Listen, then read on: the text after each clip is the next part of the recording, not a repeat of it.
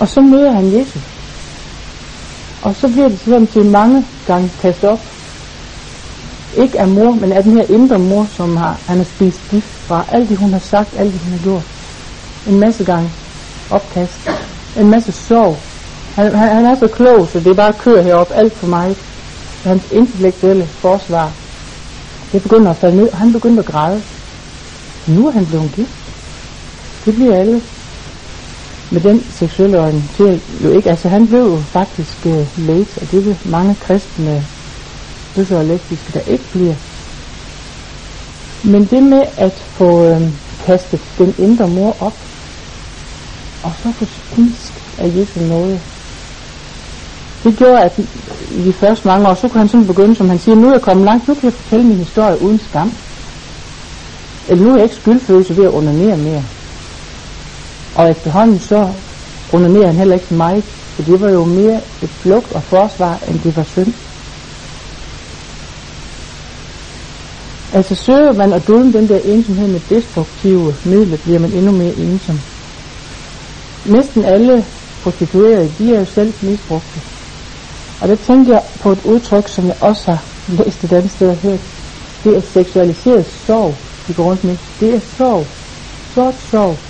Men så lever de den ud. Man kan så enten gå i kloster, eller så kan man sælge sig selv. Men sorg, som ikke bliver grædt over, der er ingen nærhed, der er ingen, der ser den.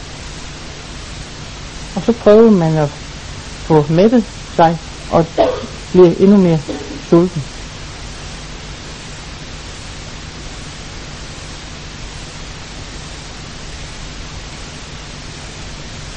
Så øh, selvtilfredsstillelse. Det er der også mange, der tænker over, og der er mange, der ikke snakker om det. Og så kommer det bare til at fylde en hel masse. Altså, at stimulere sig selv til udløsning. Mange kristne synes, det er ganske forfærdeligt, og nogle synes, det er ikke så slemt, og det siger folk forskellige om, hvis de læser I så om sådan nogle ting, og snakker om sådan nogle ting, det kan I ikke svare på. Det er også noget, der er privat, som Michael siger. Men det er i hvert fald godt at øh, snakke om det på tomandshånd. Vi mange, for mange fylder vi meget, og der er det ikke så meget selve den fysiske selvtilfredsstillelse, men det er de billederne. Billeder, man har kørende i hovedet. Hvis nu er en andens kone, eller mand, eller kæreste, så er det ikke min. Og så siger Jesus noget med, at så, så er det utugt. På den anden side, højsangen og Paul Hoffmann og andet, andet det lige godt, er fuld af glad seksuel fantasi om kvinder og mænd. Ikke en bestemt kvinde og mand. Og der, øh, hvis vi også tager det her frem i lyset, snakker ikke i al offentlighed om det, men hvor vi nu kan, og i hvert fald med Jesus om det, så tror jeg også, det er muligt at få en tryggere og gladere fantasi. Adam og Eva havde en glad fantasiverden, dag og nat drømme før faldet. Det med at lære at stoppe en fantasi, når den bliver stusket, eller voldelig, eller gruppeseks, eller noget med børn, eller hvor den bliver under, hård og mørk. Vi tændes, så kan vi lege videre i hovedet, eller så kan vi i nogen grad lære at gå til noget andet, gøre noget andet. Eller vi kan skrive det ned. Nu tænker jeg det her, Jesus, så simpelthen skrive fantasien. Så står den i der stort på hvidt. Det er heller ikke så tåligt. Ser man det jo. Det man godt ved. Troelsen, de snakker om, at øh, sådan udbredt, udbredt onani er ofte symptom på lav selvfølelse, savn af bekræftelse, akkurat som kæderydning og overarbejde og overshopping. Og hjælpen af disciplin, ikke undertrykkelse. Det er en ensom form for sex. For nogen er det synd. Det udspringer af pornografi, og det fører til lav selvfølelse, og man går væk fra Gud. For andre er det en tryg form for massage, som de kan gøre i Jesu nærhed og under Guds mel. Og det er det ligesom vigtigt at finde ud af, hvad er det for den ene og for den anden, og hvad er det til hvilken tid. Hvad kommer der, hvad fører det til? Guds ord siger ikke noget om det. Det kan være synd for en, og ikke synd for en anden. Ja, mit bud. Og så det aller sidst, kærtegn ægtefælde imellem. Altså singler tror jo tit, at bare man er gift, så er man aldrig seksuelt sulten. Og så er det godt, og øh, som jeg sagde, man har snakket frem og tilbage mellem single og, og par. Mange ægtefælder er sulten, for den ene har lyst, når den anden ikke har lyst. Og intervallerne er forskellige. Og det, der glæder den ene, er ikke sikkert, det glæder den anden. Så må man lære at danse, og lære at altså, indordne sig under hinanden, rette sig mod hinanden, græde. Midt i et samleje kan den ene begynde at græde. Og tit så får mændene trøst den sex, og kvinderne skal først trøstes. Og hvis mændene så begynder at kærtegne, og det bliver seksuelle kærtegn, så fryser kvinderne til. Det ser jeg tit med nogle par med. Jamen, jeg vil jo bare være god ved hende. Og så fryser hun. Og hun har måske ikke fortalt ham det. Og så når han kommer og stryger hende over kinden, og måske også stryger hende på nogle seksuelle områder, hvor hun er ked af det, fordi han vil trøste hende, så går hun helt i baglås. Og han får måske trøst af seksuelle kærtegn og af sex. God, god samtale giver god sex, og jeg tror ikke ret meget på den omvendte, at god sex giver god samtale. Jeg tror meget på værdien af det med nærvær og samtale. Jeg tror forfærdeligt meget på det. Rigtig, rigtig, rigtig meget. På evnen til at øh, lytte virkelig til det, den anden siger, og evnen til meget at få arbejde med, hvad vil jeg selv, hvad synes jeg, hvad vil jeg gerne, hvad vil jeg ikke. Og meget vigtigt, hvad vil den gerne, anden gerne og ikke.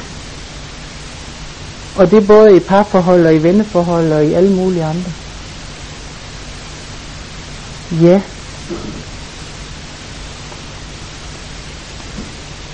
Nu skal jeg lige se en skør en, som ham her, min ægte mand, også har med herop. Så kan I sidde og tænke på, hvad I nu vil sige og spørge om og sådan. Jeg tror, han havde det med på øh, et eller andet. Jeg kan ikke huske, hvad det var. Om det var til to kurser. De her to fjernkontroller. Ej, den vender jeg altså på hovedet. Det er sådan en øh, fjernkontrol for mænd og kvinder. Og den er utrolig indviklet, den her damekontrol. Hvis I lige studerer den lidt nøjere. Jeg ved ikke, om I kan læse det hele, eller jeg kan gøre det tydeligere. Det er jo altså ingen ende på alle de knapper, der er. Og al den omskiftelighed, ikke også? Altså, man kan spille orgasme, eller man kan have orgasme, og det kan være virkelig eller ikke virkelig. Og så er der noget med, at man kan græde, og man kan skrige, og så er der en PMS-control, den sidder lige i midten der. Den kan bare styre mange ting til højre og venstre og lige ud der. Og instant headache, det er også en ordentlig en dernede for neden. og bits og gripe. Og så, ja. Den er meget morsom. Og så og på DBI, der havde jeg også oplevet det her for, for nogle præster, så deres kursus sagde, at skulle gætte på mændenes det, og der var der en dejlig præst, men han sagde, at der må være forstå det om følelser, og han er altså også god til det med følelser. Men den der mand en, der står ikke ret meget, og den, det er altså ikke mig, der har lavet den her. Jeg står hen. Hverken den til mænd eller kvinder, og jeg vil heller ikke have lavet dem lige sådan.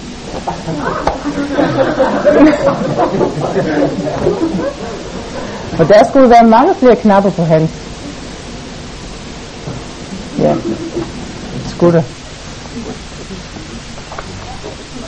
Yep. Ja, det gjorde det, og der har han lært en pinde med. Hvornår var det så? Hvad var det så til? Okay.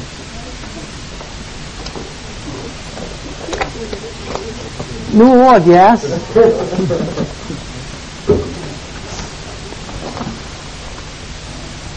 Jeg rydder lidt op her. Ja. Har et spørgsmål om det, du snakkede om i første halvdel. Det med, at skal kigge på dørene og lærerne. Ja. Det er jo, altså det er klart, at der skal være helt faktisk se, som klart ligger over i døren.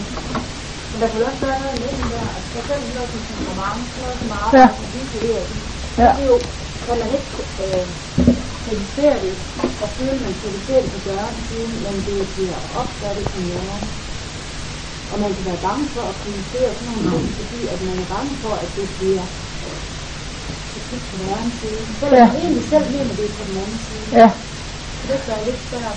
Sådan noget Forfærdeligt. for eksempel. Ja. Det er jo alt det der. Ja. Det er jo ikke handlinger, men det er jo heller ikke eksistens. nej. Det er midt imellem. Og der er det jo faktisk en meget enkel måde at, at finde ud af, hvordan blev du nu opfattet på? Og hvad er det? Ja. Og hvis ikke man kan se den, så er der at spørge. Hvad øh, hvordan hørte du det, jeg sagde? Hvad synes du om det, jeg sagde? Øh, eller sådan, den terapeutmæssige, hvad gjorde det ved dig, men det er måske for. Men altså, hvad synes du om det, jeg sagde, altså? Eller synes du, jeg, øh, synes du, jeg sagde det for vredt? Eller hvad var det, du, hvad var det, du hørte? Så finder vi ud af, at det er ikke sikkert, at vi kan se det på øjnene. Samtidig kan vi jo se, men nogle er jo bare gode skuespillere. Vi kan ikke se alting der. Men vi kan spørge, hvad hørte du? Fik, fik- jeg nu sagt det, jeg ville? Prøv du at komme med en tilbagemelding. Så får vi det at vide, du. For vi, det er svært. Ja, måske. Fordi kunne man ikke også, jeg kunne da godt forestille mig, hvis, hvis jeg var modtagerne, Ja, ja, at jeg så ville, øh, hvis jeg blev spurgt, øh, hvordan følte du det, hvordan synes du, jo, men det har du da ret i, det vil sige, men man vil føle noget andet, eller et eller andet, eller Okay. man vil sige, jamen ja, nu må du også lige prøve at opfatte det positivt, det vil sige til sig selv, men man vil føle noget andet, det er jo ikke Okay. sådan. Nå, jeg siger ikke, det er nemt. Altså, i det hele taget, så er det ikke, jeg synes, at alt det her, det er nemt, altså. Det, det er processer og, og svære trin. Men det kunne man jo så også, jeg kan godt føle det, det er fint, du siger det. Jo, det kan godt være, at man ikke kom med en ærlig udmelding. Det gjorde man så ikke, og derfor bliver kontakten ikke helt øh, clear. Derfor bliver lidt måder i den. Fordi den ene øh, holdt noget for sig selv. Og, og, og derfor bliver kontakten faktisk lidt mudret, og næste gang de mødes, så er der lidt mudder. Og det har vi jo så ansvar for, begge to i den relation. Vil vi nu melde noget tilbage? Og hvis det nu er en chef eller tandlægen, så er det ikke sikkert, at vi synes, at han skal høre alt det hele. Det kan godt være, at de skal høre en del af sandheden. Men bare det at få sagt noget, kan tit være en hjælp. Nu bliver det til lidt mere snakkeri her. Du må gerne, snak- du må gerne fortsætte med at spørge lidt uddybt. Jeg på, hvordan, øh, hvordan kan man give og løfte så man kan sige, uden at det i rent faktisk bliver at. Hvordan undgår vi, at det finder sig på hverens? Det kan vi ikke helt undgå, tror jeg, fordi at øh, vi er skrøbelige, og vi er sårbare. Vi kan undgå det mest muligt. Vi måske at have forberedt os lidt og tænkt, hvordan skal jeg nu sige det til hende, for nu ved jeg godt, at hun kommer let, eller han kommer let i forsvar, hvis vi kan måske have skrevet lidt ned. Det er en god idé at skrive, hvis jeg ikke har sagt det før. Så vi kan have skrevet et brev, vi ikke sender til hende eller til ham. Ej, sådan kan jeg da ikke sige, eller vi kan have øvet os, og vi kan have bedt Gud, kast du dit lys ind over det, fordi jeg skal have sagt noget her, hvis det er dig, der skal af med noget. Så kan vi have gjort vores hjemmearbejde, vores lektier. Skrevet ned, tænk på det, snakket, åh oh, Jesus, jeg vil gerne sige det både kærligt, men det skal også være sandt, fordi det er noget, der skal sættes her, altså. Der skal sættes en pind der, en grænse. Og så, um, kan det godt være, at den anden blev lidt ked af det. Og det gør vi jo. Vi gør hinanden ked af det. Men den anden bliver mindst muligt ked af det, hvis vi mest muligt har gjort vores forarbejde, og mest muligt sørge for frem og tilbage. Hvad synes du så? Jamen hvorfor jeg sagde det? Jeg har gået med det længe. Frem og tilbage nogle gange. Med mindre det er altså sådan en, som er øh, ustabil, eller patologisk løgner, eller sådan psykopatisk, eller et eller andet. Altså hvor vi ikke kan lave en, en, en deal, en aftale. Så vil vi komme til at gøre hinanden ked af det, men så kan jo læges som bekendt. Og, og det gjorde lidt ondt, men det at det gjorde lidt ondt, det gør måske næste gang, så passer jeg lige lidt ekstra på her, fordi det gjorde lidt ondt, enten på den anden, eller på mig, eller på os begge to. Og så skal jeg tænke mig om, øh, for hvordan kan vi nu undgå at komme ind i det igen, og kommer vi ind i det, så ved jeg, det går ondt. Altså, så lærer vi af det. Det jeg ville have tegnet, det her med projektion og overføring, som øh, jeg synes er bare rigtig, rigtig, rigtig meget vigtigt. følelsen, og det kan være en hvilken som helst følelse, den er så står her, en eller anden nutidsfølelse. Vælg selv. Men det er noget, vi har prøvet alle sammen. Den er bare så stor. Og så er der en nutidssituation, og den er ikke ret stor.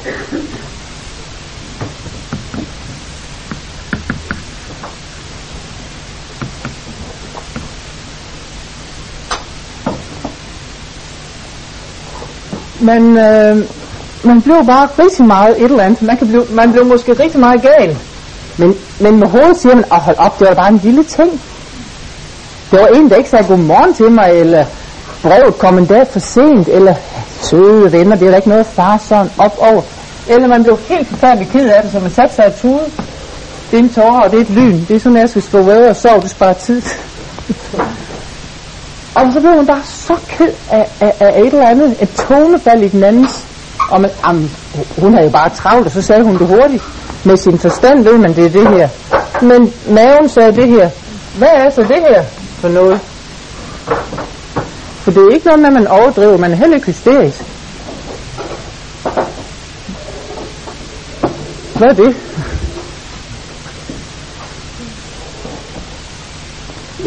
Bud?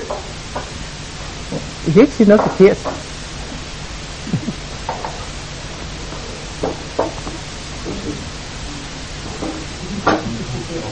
Ej, det er heller ikke let at koncentrere sig om kage og så pro- og projektioner samtidig, altså. jo. det du oplever i en given situation, fylder så meget, og det kører rundt i hovedet og i maven, det bliver ved med at kværne og fylde en eller anden følelse. Det kan også være angst. Man er bare rigtig, rigtig bange. Og så med sit voksenhed, med sin logik, med sin forstand, siger man, og en anden, som man vender det med, siger også, jamen søde ven, det var jo bare lige det her. Det ved man godt med sin forstand nu til situationen. Den er ikke ret stor. Men man blev et eller andet, så og så meget. I har også prøvet det, det er helt sikkert, er ikke rigtigt? Ja.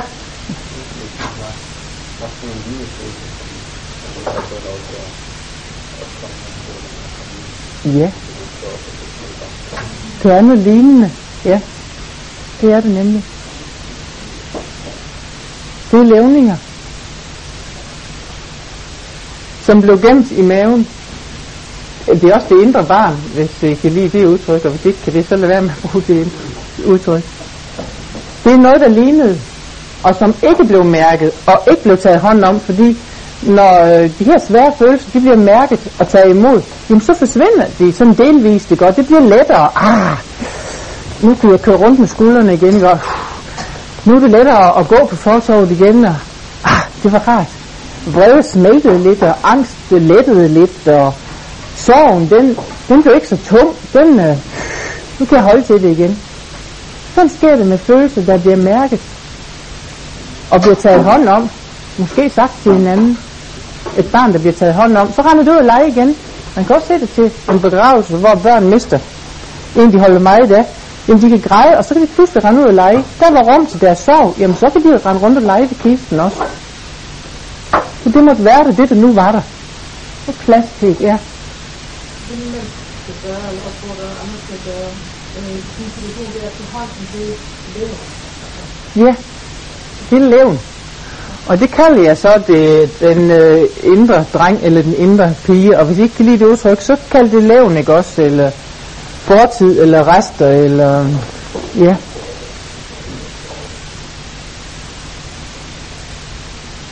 Øhm Karsten Isaksen, Lad følelser for sprog. Han snakker meget om det i den her lille bog. Den er ikke så gammel. Den er fra år 2000. Det er jeg ikke finde. Han har et meget fint kapitel, der hedder det seende raseri. Der er noget, der hedder blindt raseri. Og så det her kapitel om det seende raseri. Det er ikke lige måske kun ind i det her, og så alligevel. Det blinde raseri ved præcis besked med, hvad et andet menneske har sagt og gjort. Og det er alt, hvad det blinde raseri ved, og man tror, man ved alt. Det seende raseri er ikke tilfreds med at vide, hvad et andet menneske har gjort, som har været både sårende og irriterende. Det seende raseri giver sig ikke, før det opdager, hvad det bliver berørt i min egen sårbarhed. Hjem i egen barn. Hvad skete der med mig? Hvad kunne jeg gøre ved min irritabilitet? Jeg kender folk, der er i bebrejdelsesbranchen. Og hvis man først er i den branche, løber man aldrig tør for råstoffer. For folk gør og siger så fantastisk meget dumt hele tiden. Ja. Der er to store fordele ved at bebrejde. Trykket inden i dig mindskes, og skylden bliver skudt på en anden. Det er en god branche. Så fortæller han om en mand, der gik op. Det kan godt være, I kender den. Jeg havde altså ikke læst den, eller hørt den før så den her bog. En mand, der går på apoteket og skal have en flaske arsenik til sin svigermor. Kender I den? Jeg gjorde heller ikke. Har du en recept, spurgte apotekeren. Nej, sagde manden. Jeg har et foto. Ja.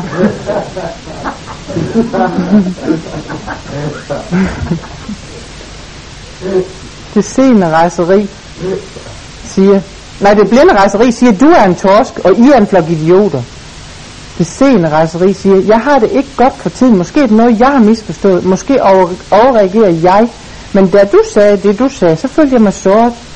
Og så vil den anden sige, såret, det forstår jeg ikke. Der starter man konfliktløsning. Ved det blinde rejseri starter man krig. Bebrejdelse. Du er du, du, du, du, som Jesper Juhl siger, når man dutter, når telefonen dutter, så er den hvad? Okay. Og når jeg sidder med en ægtepar, de siger, du også, du også, du også, så, og så står jeg den ene, hvad var det, hun lige sagde, det aner jeg ikke, det er længe siden, jeg har lukket med at høre efter. Telefonen er optaget, når man dutter, når man bebrejder, for man kan ikke holde til for alt det lort ind i hovedet. Men hvis man siger, jeg vil ikke have, og jeg kan ikke holde til, så starter man konfliktløsning og ikke krig. Men jeg, det, det jeg egentlig ledte efter, det var ikke det med den recept. Det var det med de her følelser, at mærke dem, og så tage blæsten af dem. Prøv at se, om der er noget, jeg vil sige, så skal jeg lige finde det her så længe.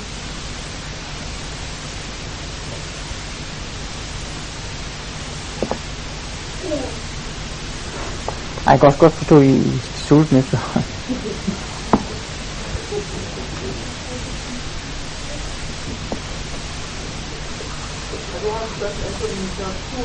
Yes. Jo, det er for svært.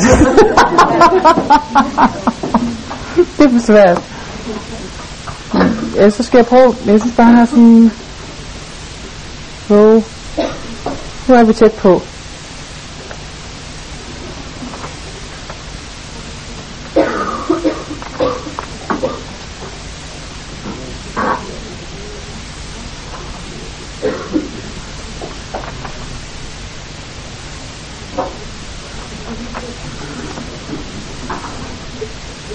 Jo, her var det.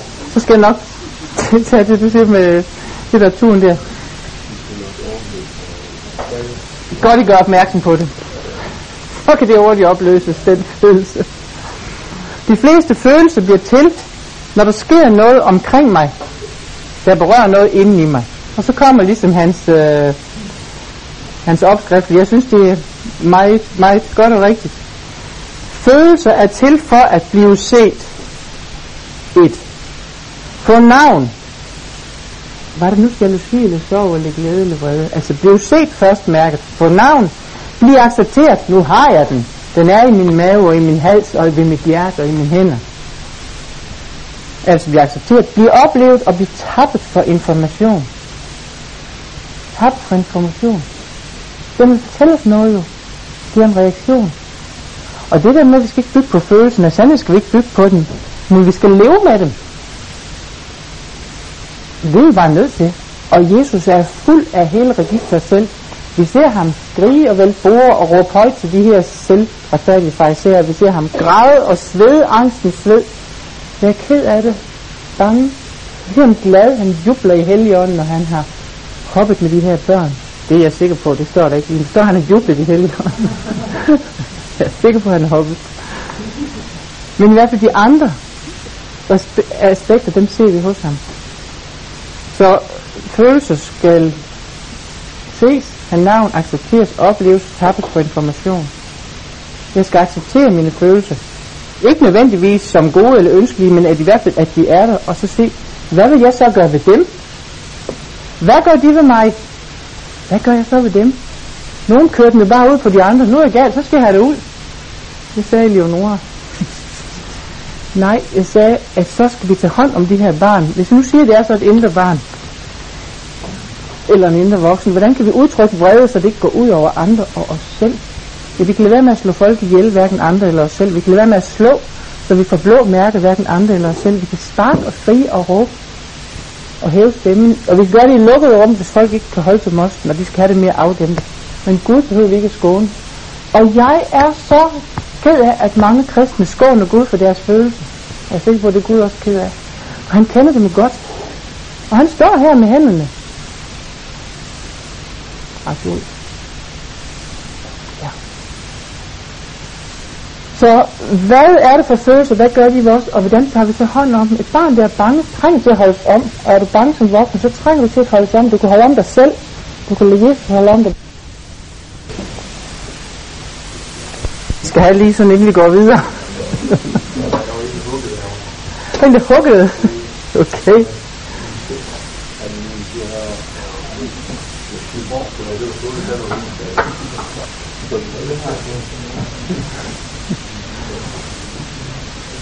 Jeg vil sige lidt om køn, krop og Kristus her til sidst. Ja. Det her kære kors, det ser mit krig, det blev væk.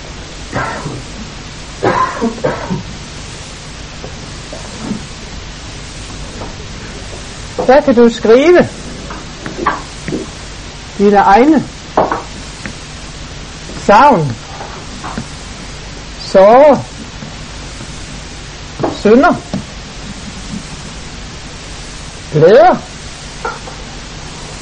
Og alt sammen krops. Håb kan man skrive ned. Kropssavn, kropssorg, kropssynde, kropsglæde, kropshåb. Og du kan også skrive andres sønder mod dig. Og det gør jeg også lidt mere konkret.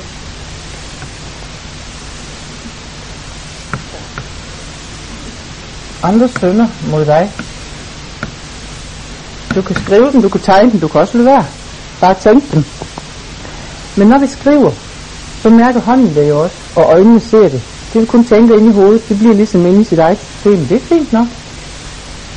Men jo mere af kroppen, der kan være med, jo bedre huskes det de tunge dage, og det er med på samlet sig forråd de tunge dage, for de kommer.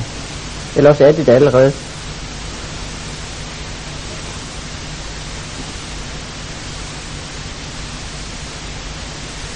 Hvis der blev signaleret, at, at du var grim, eller du var da ikke for klog, eller dit temperament, eller den måde, du legede på, eller din skoleevner ikke var, som det skulle have været, så stod Gud til i mor hendes hakkeri, hendes evindelige hakkeri. Ikke i hende. Eller hvis far slog, så tilgiv ham hans vold. Hvis det var jo ironi, tilgiv ironi og kulde. Og hvis der var så meget, det var godt, tak, skriv det ind i Jesu arme. Tak fordi de holdt om mig. Tak fordi de opmuntrede og løftede og bar og så. Skriv det ind i Jesus.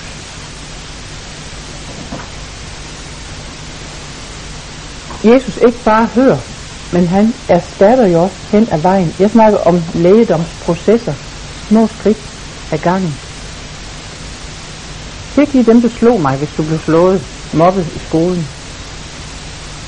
Og fortæl historien. Fortæl din kropshistorie. Man kan også fortælle sin troshistorie.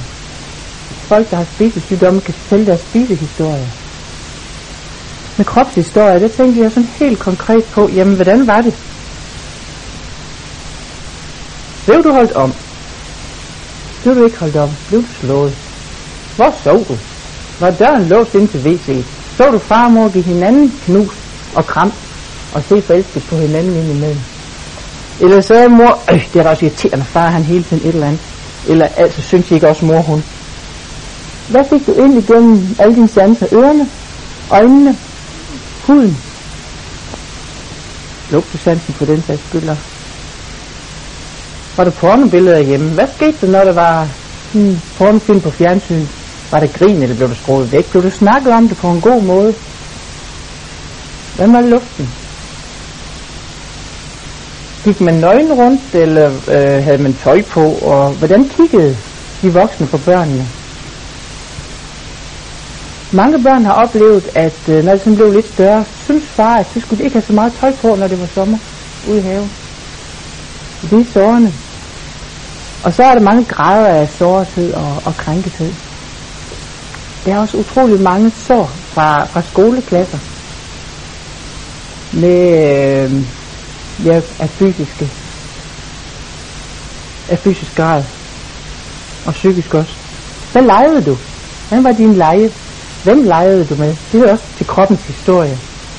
Hvor legede I? Hvad legede I?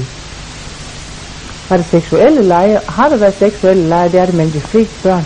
Så kan det være nysgerrighed og ikke have efterladt sig nogen dårlige spor. Har der været vold og stor aldersforskelhed, så har det sandsynligvis efterladt sig nogle spor.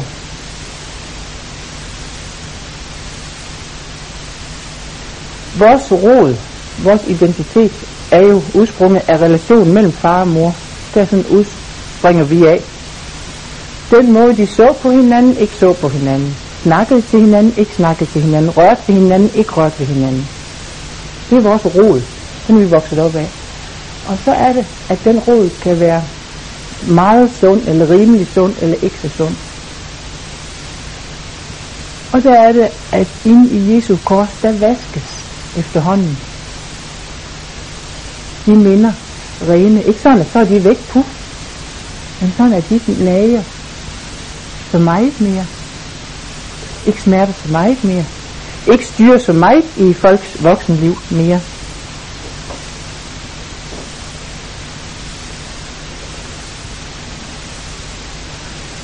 Har, ja, den har jeg taget med. Er nogen af jer, der har læst Ægteskabets Mysterium? Mike Mason. Altså, hvad læser I egentlig her? I læser en hel masse andet end det, jeg læser. Ja, yeah. I læser en masse godt, det ved jeg godt. Den er også gammel. Jeg er også gammel. Den er helt fra, det ved jeg ikke, 90 eller et eller andet. 91, det er også 10 år gammel altså. Kom an.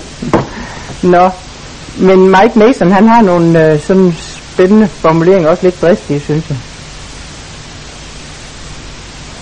Han snakker om, at Guds humor har placeret tissested og centrum for seksuel ophidselse samme sted, at det er Guds humor. og han snakker om sex og sanitære installationer hos os. Og han citerer, Jits kærligheden har oprejst sin bolig på ekskrementernes plads. Om det så er Guds humor og hvad det er, og jamen, han har altså mange fine formuleringer, og jeg, jeg synes, han er, han er god at få forstand af. Så det, han kan varmt anbefales.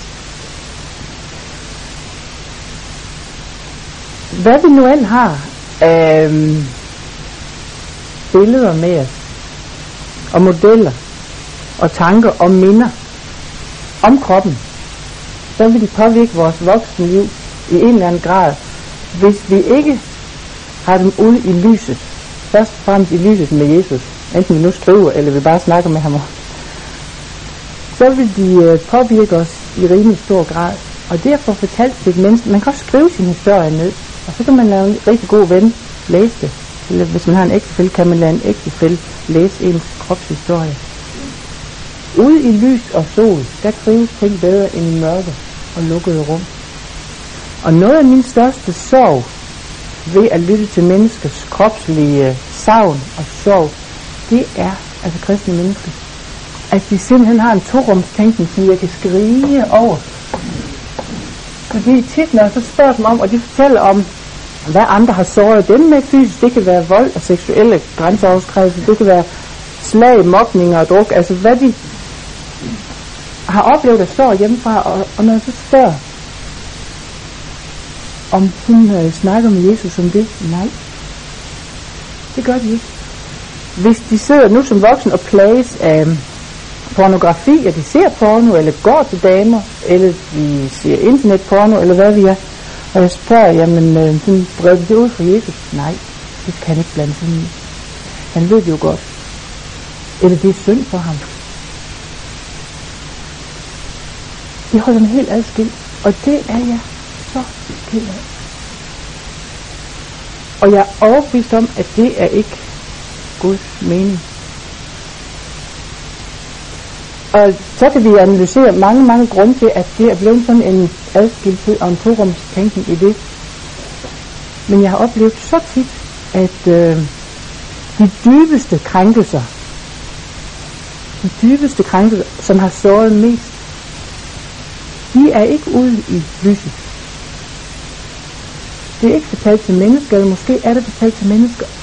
Og, og Jesus er ikke inde i det. Der er ikke plantet et kors i de rum. Jo, det er kristne mennesker. Men velsignelsen og kraften og nåden og hjælpen fra Jesu nærvær og Jesu død og opstandelse er ikke inde i de rum, i de minder. Det er skilt fra hinanden. Fordi man aldrig har snakket om det, fordi man har så meget følelse af skam ved det. Mange af vores salmer, de har faktisk ordet skyld og skam ved siden af hinanden. Og forkynder, at Jesus har båret begge dele. Men tit er det ikke, har det ikke fået ben at gå på. Det sker også, at jeg siger til, til mennesker, nu tager jeg en anden kasket på, en sjælesovskasket, øh, som ikke så er en terapeutkasket, og så spørger jeg, om de gerne vil have, at vi skal bede inde på mit kontor, eller jeg skal bede for dem, eller de, de beder der. Men det er så ikke terapi, så er det så Vi har også et lille rum, vi kan gå ned i med en alderskrank og krucifix. Og så er det samtidig dem, som slås meget med nogle af de her sårheder. De, ej, jeg vil gerne have, at du beder for mig, men jeg kan ikke bede. De kan, de ved ikke, hvordan de skal bede for det her. Hvordan skal Jesus blive blandet ind i det her snusk? Og der har man jo brug for at fortælle sin historie et menneske, for at få den fortalt til Jesus også. Og det er en utrolig befrielse. Det er jo, ah, man bliver 10 kilo lettere af at begynde at se, jamen, det var jo det, og det var det også, som han var. Og han sidder på sengekanten og holder dig i hånden med de sår. Og han var det dengang, og han græd med dig, og han er der nu. Det skal ligesom rækkes ind i de der ja, mørke rum. Og det tror jeg har både at gøre med, hvordan forkynder vi, og hvordan lever vi, og hvordan øver vi sjælsorg, hvordan skriver vi, når vi skriver, hvordan prædiker vi, når vi prædiker og holder andagter, og hvad gør vi selv? Integrere her, det er. Vi snakker om det i stilen også, det ord integrere. De dybeste sår i menneskers liv er tit ikke integreret i, i troen. Så beder man for missionshuset og MF og de fattige, og det er da helt fint, og det skal vi sandelig også gøre. Men det, som tynger os mest, det er det, Jesus mest længes efter at bære. Og står med hænderne ret ud til at bære. Og der trænger man til at få grædt og få fortalt, og måske også mærke vrede og savn og raseri mod dem, det skete imod, eller det skete fra, for at kunne invitere Jesus ind, fordi det er frosset ned, og det skal tøs op. Og det gør det i omsorg og tryghed. Der bliver det tøset op. Og så gør det ondt. Det gør meget ondt. Jesus har selv været krop, været menneske.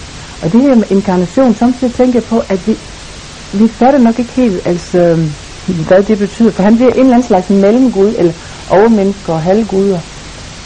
Men Jesus har også været på WC. Jesus har også mærket seksuel ophidselse. Jesus har også haft natlige udtømmelser. Han har også skulle af med Maria som Martha frikadeller bag en busk, og hvad ved jeg.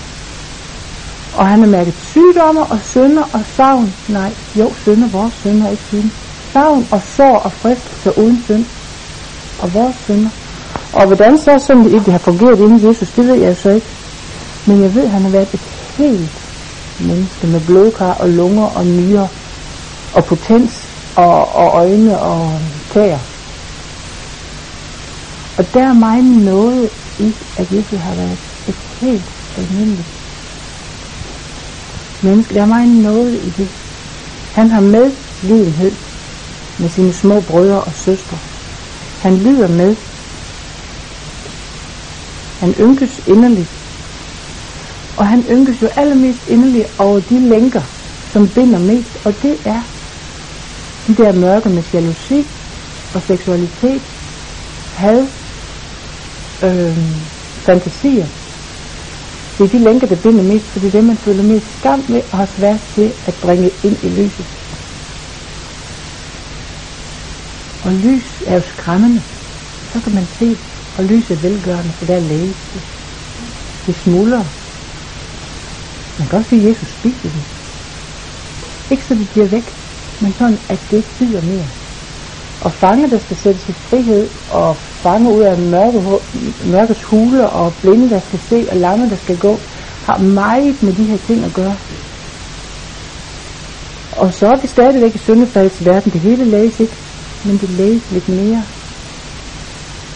Healing of the memory snakker en Penn meget om. Minder, lægedom er minder. Og det er jo minder, der binder folk, og tit også styrer meget i deres nutid. Jeg fortalte det her lille eksempel med, at jeg sådan mærkede lidt den der skamfølelse på kroppen, fordi de altid kom for sent, fordi far altid havde travlt. Der var også en kvinde, der fortalte til et foredrag i al offentlighed, hvordan at øhm, en, som har været udsat for meget overgreb, og der var fra faren, og der var faren signal, som strøg på kinden der. Og det kan man jo så ikke lige vide, for vi kan ikke se på folk, hvor er, det, hvor er kroppen mest såret. Og da hun så i en eller anden kirke sammen, sammenhæng længe efter sin opvækst, en eller anden vil være god ved hende, og gør det lige det der strøg, så, øh, så bliver kroppen helt stiv. Kroppen husker. Kroppen husker. Voksne mennesker sidder tit med mavepine inde på mit kontor, og de har mavepine som barn. Kroppen husker, maven husker, musklerne husker, hovedpinen husker, spændingerne, kæberne husker det Ribbenene og baller, og kroppen husker i sit panser og gemmer. Og lægedom i minderne betyder, at noget kan slappe mere af, kan hvile mere, kan grædes ud. Der kan komme noget af Guds fred over. Nu siger jeg noget, for vi har fået den syndefaldende verden stadigvæk. Og det er jo meget ved at få det fortalt, og hvor meget ved optaget til af Jesu kors og opstandelse og hans nærvær. Det er hele tiden omdrejningspunktet.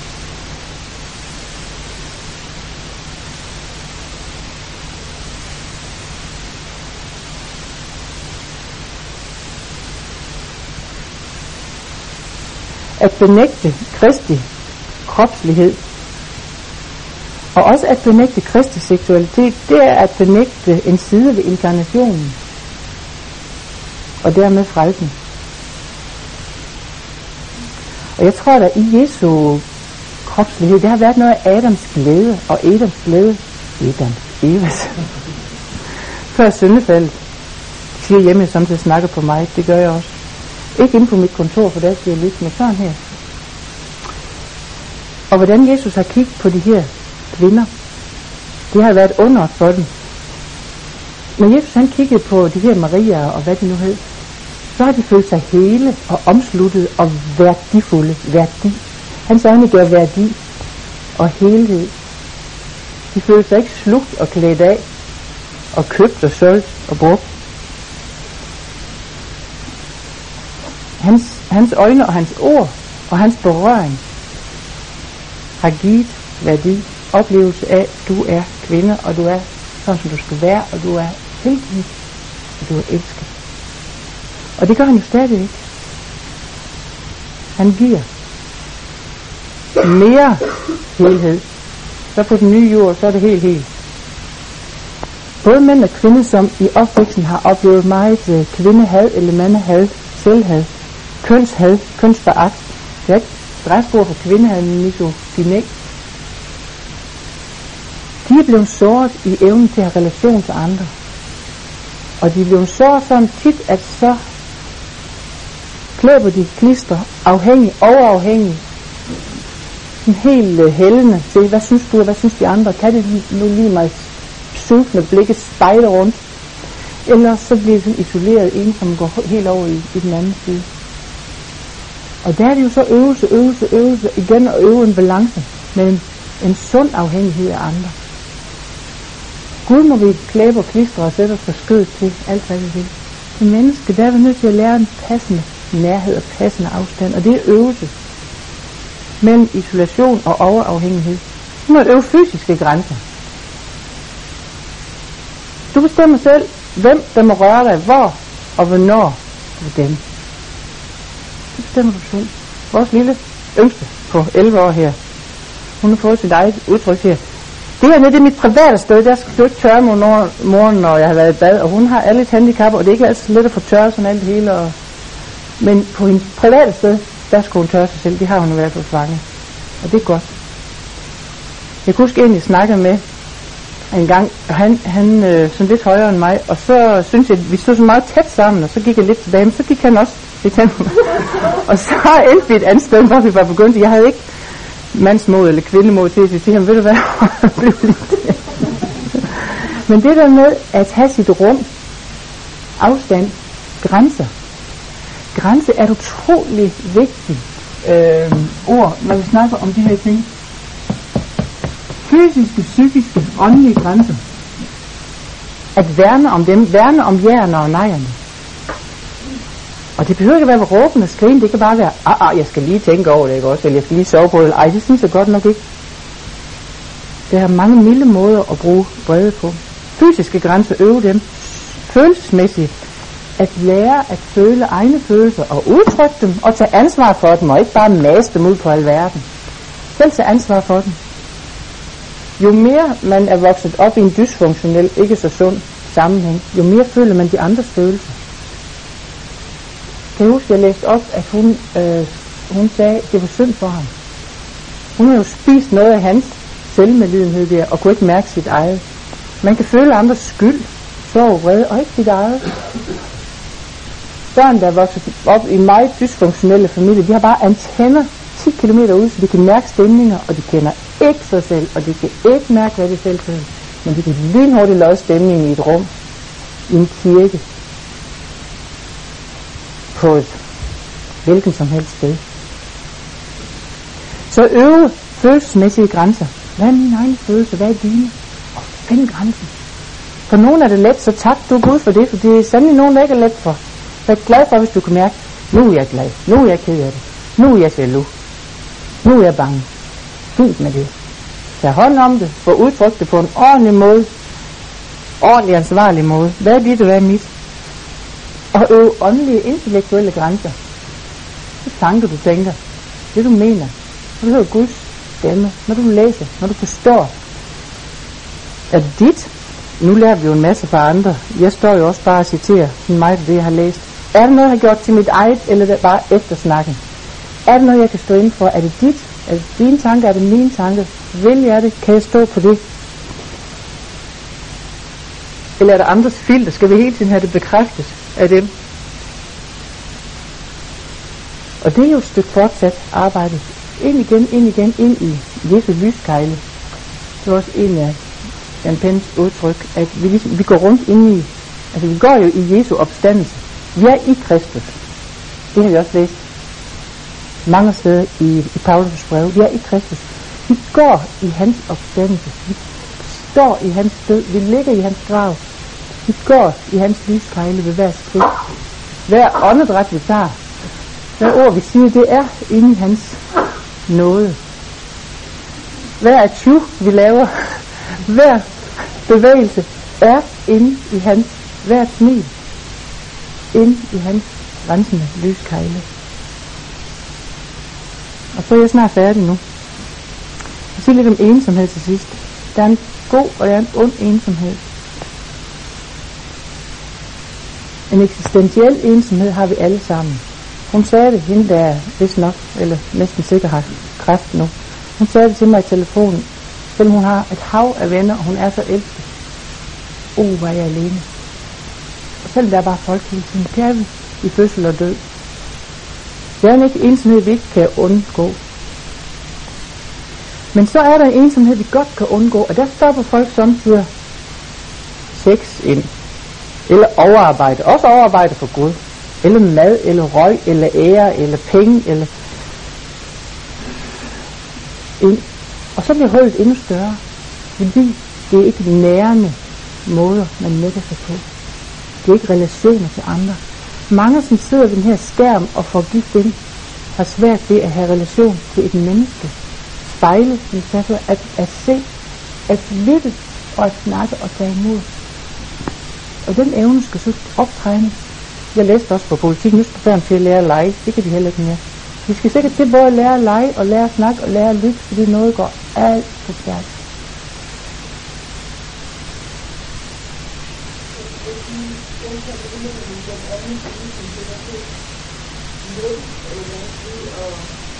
Thank you.